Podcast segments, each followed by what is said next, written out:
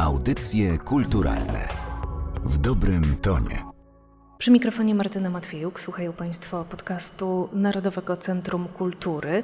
Być może słyszą Państwo pewien szum. Ten szum jest nieprzypadkowy, mianowicie wytwarza go maszyna, która odpowiada za utrzymanie odpowiednich warunków w gabinecie fotografii Muzeum Narodowego w Warszawie, które dziś odwiedzamy w audycji. Za mną jest współkuratorka pokazu, pani Anna Masłowska. Dzień dobry. Dzień dobry. Te odpowiednie warunki są konieczne, ponieważ to miejsce, w którym prezentowane są oryginalne odbitki fotograficzne z XIX wieku.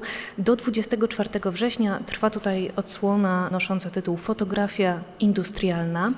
XIX stulecie to jest moment, w którym fotografia jest nowością. Nowością i ważną zmianą jest także rozwój przemysłu za pomocą maszyn parowych, coraz częściej wykorzystywanych. To także nowość pod postacią elektryfikacji.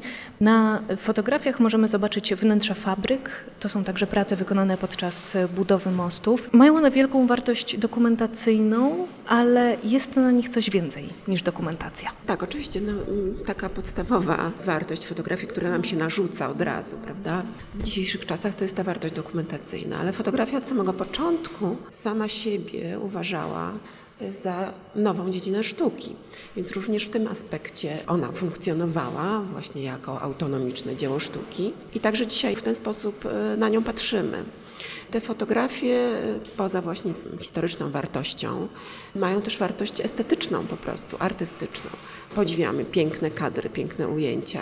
One również dla nas dzisiaj są zaskakujące, są też nowoczesne. Temat fotografii industrialnej, fotografii XIX wieku, właściwie pojawił się już od początku historii medium ponieważ no, fotografia jako wynalazek również prawda, techniczny mhm. no, bardzo dobrze wpisywała się w ten moment kiedy nastąpił taki boom, prawda, ten wiek pary i elektryczności, tak nazywamy to XIX stulecie. I to właśnie to medium było, no, wydaje się, idealne właśnie do dokumentacji, ale także do celebracji tych nowych osiągnięć techniki, architektury, w ogóle osiągnięć y, cywilizacyjnych.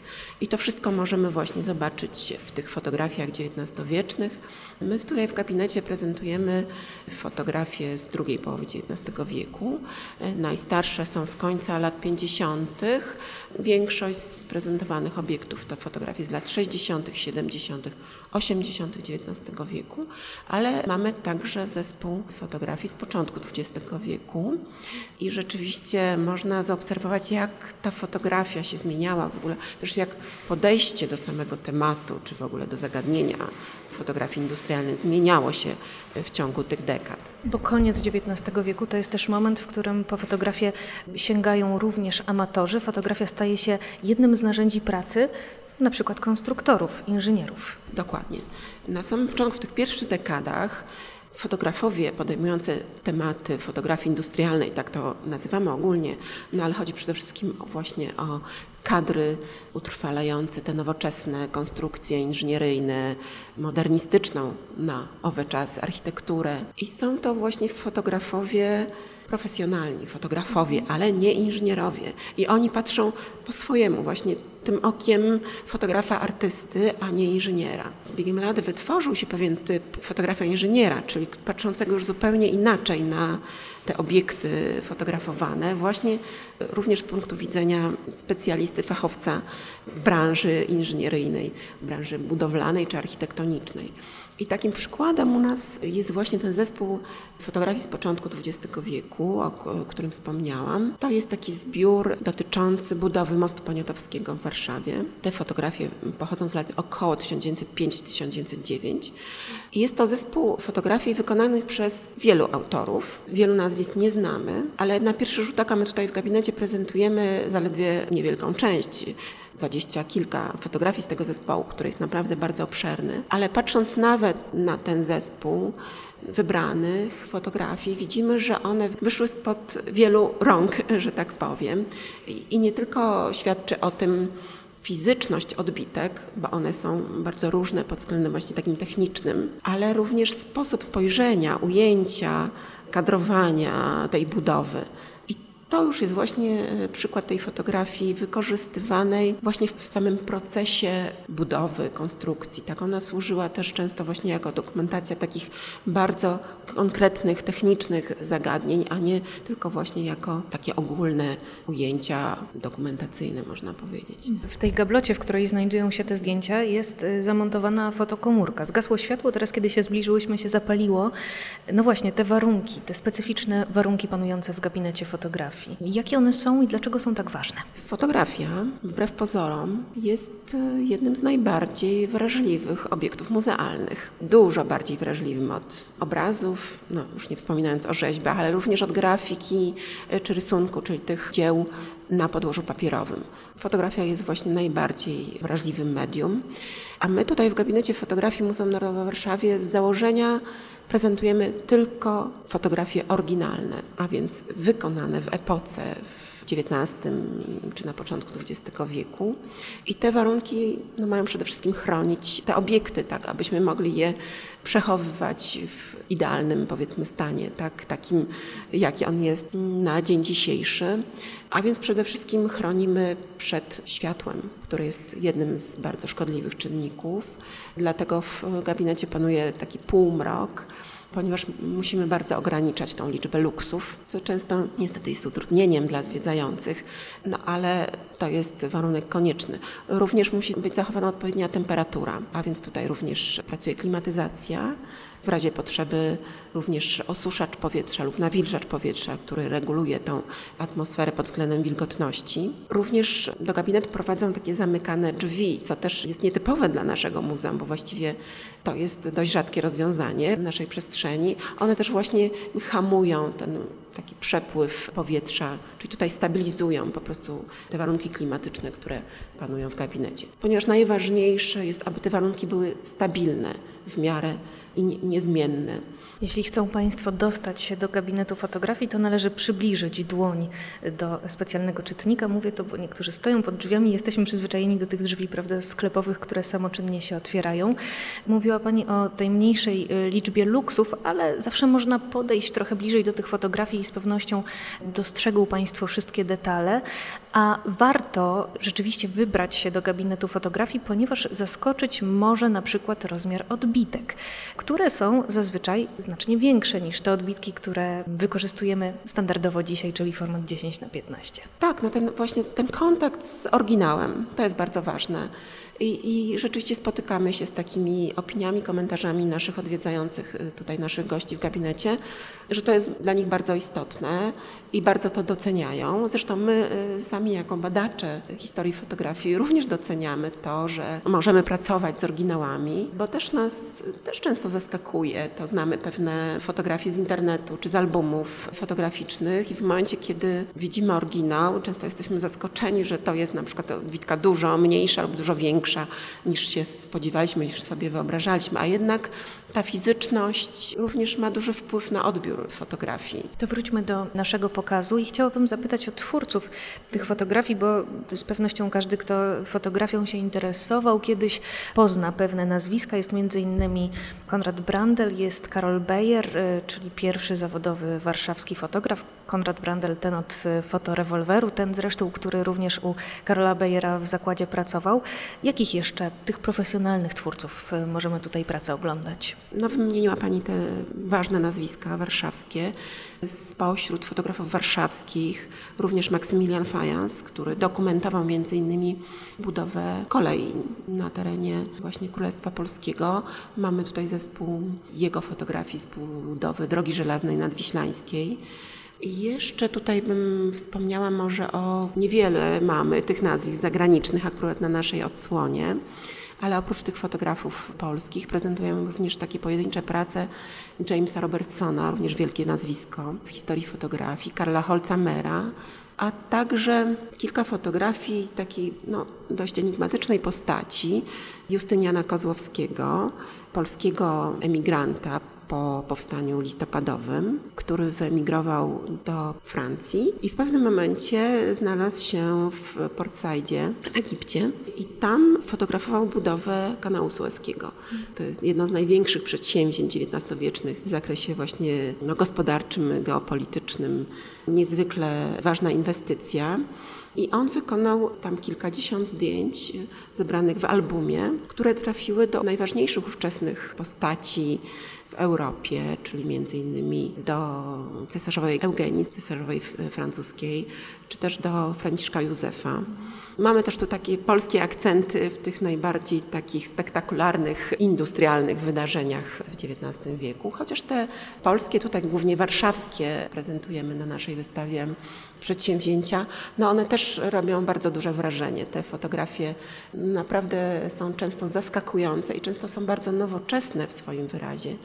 Tutaj chciałabym zwrócić uwagę na kilka takich fotografii, między innymi na takie no, naprawdę zaskakujące i też nieoczywiste ujęcie filaru mostu Stanisława Kierbecia podczas budowy, wykonane przez Karola Bejera, które no, na pierwszy rzut oka właściwie nie wiemy o co chodzi. Tak? Jest taki bardzo ciasny kadr, bardzo nowoczesne te ujęcia. Zresztą tutaj podkreślamy też, że fotografia, między innymi y, o tematyce industrialnej, wprowadziła do kultury wizualnej XIX wieku takie nowe spojrzenie. To właściwie mm, fotografowie byli prekursorami tego nowego widzenia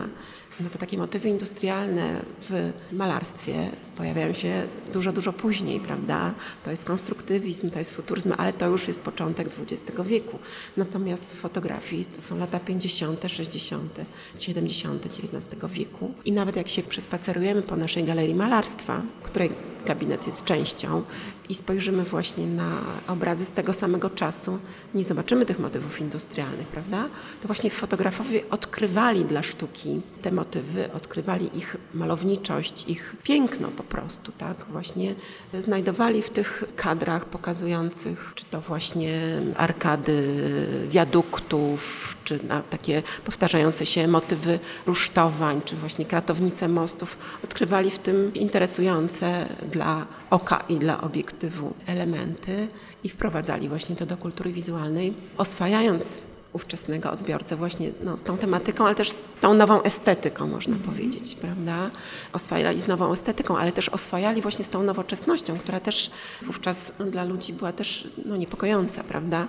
Oczywiście to były wielkie, spektakularne przedsięwzięcia, ale też no, niosły ze sobą jako coś nieznanego prawda, pewien niepokój. I fotografia tutaj też podjęła właśnie takie zadanie oswajania ówczesnego człowieka z tym nowym, y, które pojawiało się w przestrzeni, w krajobrazie, w krajobrazie miejskim, ale też w krajobrazie naturalnym. No właśnie, nie tylko zachwyt, nie tylko podziw dla tego rozwoju, ale też cienie związane właśnie z rozwojem przemysłu. Myślę tutaj o serii zdjęć wykonanych po pożarze warsztatów e, kolei w Warszawie. Tak, to jest seria zdjęć wykonana w roku 1867 przez Karola Bejera, zaledwie dzień po pożarze tych warsztatów kolejowych, które mieściły się przy ulicy Chmielnej w Warszawie. Ten zespół jest bardzo ciekawy z kilku powodów. Właśnie po pierwsze, że pokazuje to wydarzenie, właśnie tak jak powiedziałam, oswaja publiczność również właśnie z tymi takimi nieprzyjemnymi skutkami rozwoju cywilizacji. Tutaj należy powiedzieć, że no, ta fotografia funkcjonowała nie tylko jako żywa fotografia, ale również w postaci reprodukcji drzew rodniczych w prasie, a więc jej odbiór był dużo szerszy, prawda? One trafiały do, do szerokiego odbiorcy. Ale też ten zespół jest ciekawy właśnie ze względu na estetykę tych fotografii. One na pierwszy rzut oka prezentują po prostu zniszczenia, ale tu też proponuję przyjrzeć się tym fotografiom właśnie pod kątem sposobu kadrowania przez fotografa, e, sposobu spojrzenia na tą przestrzeń, na tą rzeczywistość. To są właśnie takie ciasne kadry, bardzo czasami takie właśnie nowoczesne, można powiedzieć, tak, e, zaskakujące widza sposobem spojrzenia na te elementy. Przypominam sobie poprzednią odsłonę pokazu w gabinecie fotografii, kiedy mogliśmy podglądać artystów w swoich pracowniach. I pomyślałam o tym, że ta fotografia też jest takim medium, które ukazuje świat nie zawsze dostępny, świat trochę zakryty. Nieczęsto mamy możliwość wejścia na plac budowy, nie do wszystkich fabryk możemy zajrzeć. Dawniej też tak mogło być. No, szczególnie w XIX wieku, prawda? To też było bardzo ograniczone, no nie było dostępne dla takiego przeciętnego obywatela, ale również dla nas dzisiaj te fotografie mają takie znaczenie, pokazują nam świat, którego już nie ma praktycznie, ponieważ no, większość e, fotografii warszawskich prezentuje obiekty, których już nie zobaczymy w przestrzeni miasta, albo zobaczymy ich relikty Także to również ma dla nas takie znaczenie, powiedzmy, historyczne bardzo ważne. I tą fotografię właśnie można na bardzo różne sposoby odczytywać. Tutaj zachęcamy naszych widzów, żeby odnajdowali nie tylko te tematy, te aspekty, które my proponujemy w tych fotografiach, ale spoglądali ze swojego punktu widzenia na te zdjęcia, bo one kryją w sobie e, czasami bardzo wiele ciekawych i no, takich nieoczywistych dla każdego elementów, tak jak chociażby e, fotografia wykonana przez Maksymiliana Fajansa w kopalni odkrywkowej Cieszkowskiej w Dąbrowie Górniczej w latach 60. XIX wieku. I co ciekawe, na tej fotografii w kopalni widzimy pracujące kobiety, które wywożą na taczkach urobek dzienny z kopalni to też jest właśnie takie zaskakujące. Oczywiście te postaci są bardzo malutkie, więc gołym okiem trudno je dojrzeć, ale fachowcy, specjaliści właśnie od tematu górnictwa czy historii górnictwa dojrzeli tam na tej fotografii takie ciekawe elementy. I tutaj warto powiedzieć, że właśnie no, to tym bardziej jest ciekawe, że prowadzi nas w głąb tej historii, już zupełnie takiej trochę odległej od historii fotografii, do historii przemysłu górniczego. Wówczas w XIX wieku w kopalniach pracowało około 20% kobiet. I te kobiety właśnie w, widać w długich sukniach, w gorsetach. Tutaj też takie nawiązanie do naszej wystawy aktualnej e, bez gorsetu o rzeźbie XIX-wiecznej, kobiecej. Więc no tutaj też te nasze ekspozycje w muzeum również mają różne takie wspólne elementy, które można odkrywać. Wiele kontekstów y, do odkrycia. Oryginalne odbitki XIX-wieczne spod szyldu fotografii industrialnej mogą Państwo oglądać do 24 września. A co potem w gabinecie fotografii? Potem kolejna odsłona. Jeszcze raz może powiedzmy, że ze względu na warunki konserwatorskie fotografie mogą być prezentowane maksymalnie 3 miesiące. A więc ta nasza ekspozycja tutaj jest ekspozycją taką rotacyjną. Zmieniamy właśnie pokazy co trzy miesiące.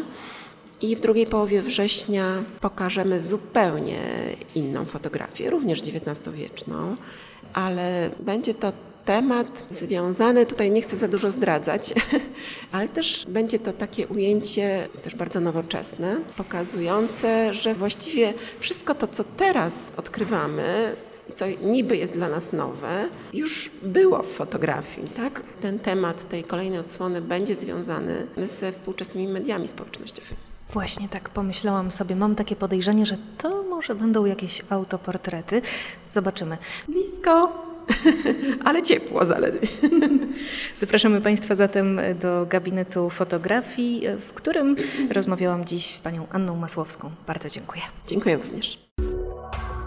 Audycje kulturalne w dobrym tonie.